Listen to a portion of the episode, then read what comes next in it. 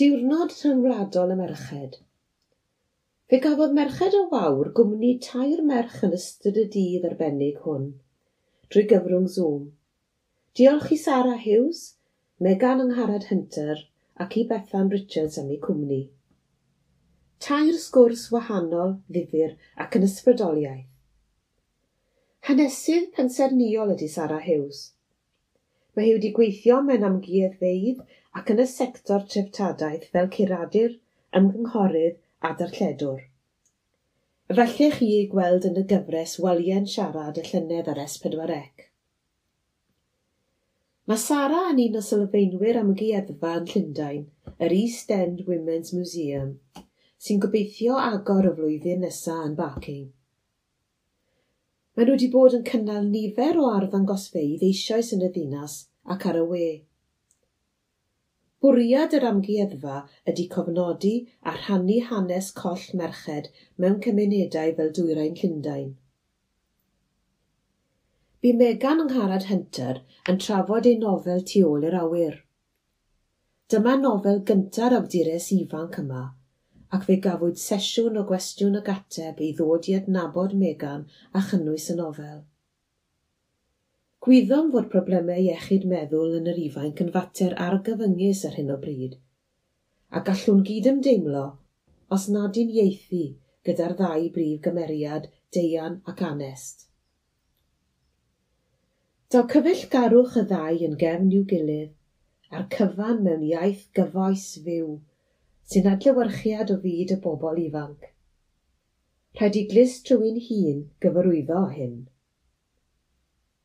Er mae nofel i gynulleidfa ifanc yr honir yw hi, ac mae yna gyfeiriadau ynddi sydd ddim yn rhan o fywyd rhywun hun, ond mae hi dal yn berthnasol iawn i ni gyd. Mae cymlethdodau byw a'r ffaith bod y ddau mor trist ac mor fregus yn golygu na allwn ond teimlo dros deian ac anest, a phoeni dros y rhai sy'n dioddef. Ac mae hon yn nofel gampus sy'n aros yn y cof. Un o Sir Ddimbych bellach yn byw yn Sir Gaerfyrddin ydy Bethan Richards. Wedi colli ei gwaith dair blynedd yn ôl, fe newidiodd ei gyrfa a bellach yn ysgubreg simneiau proffesiynol ers dwy flynedd a hanner.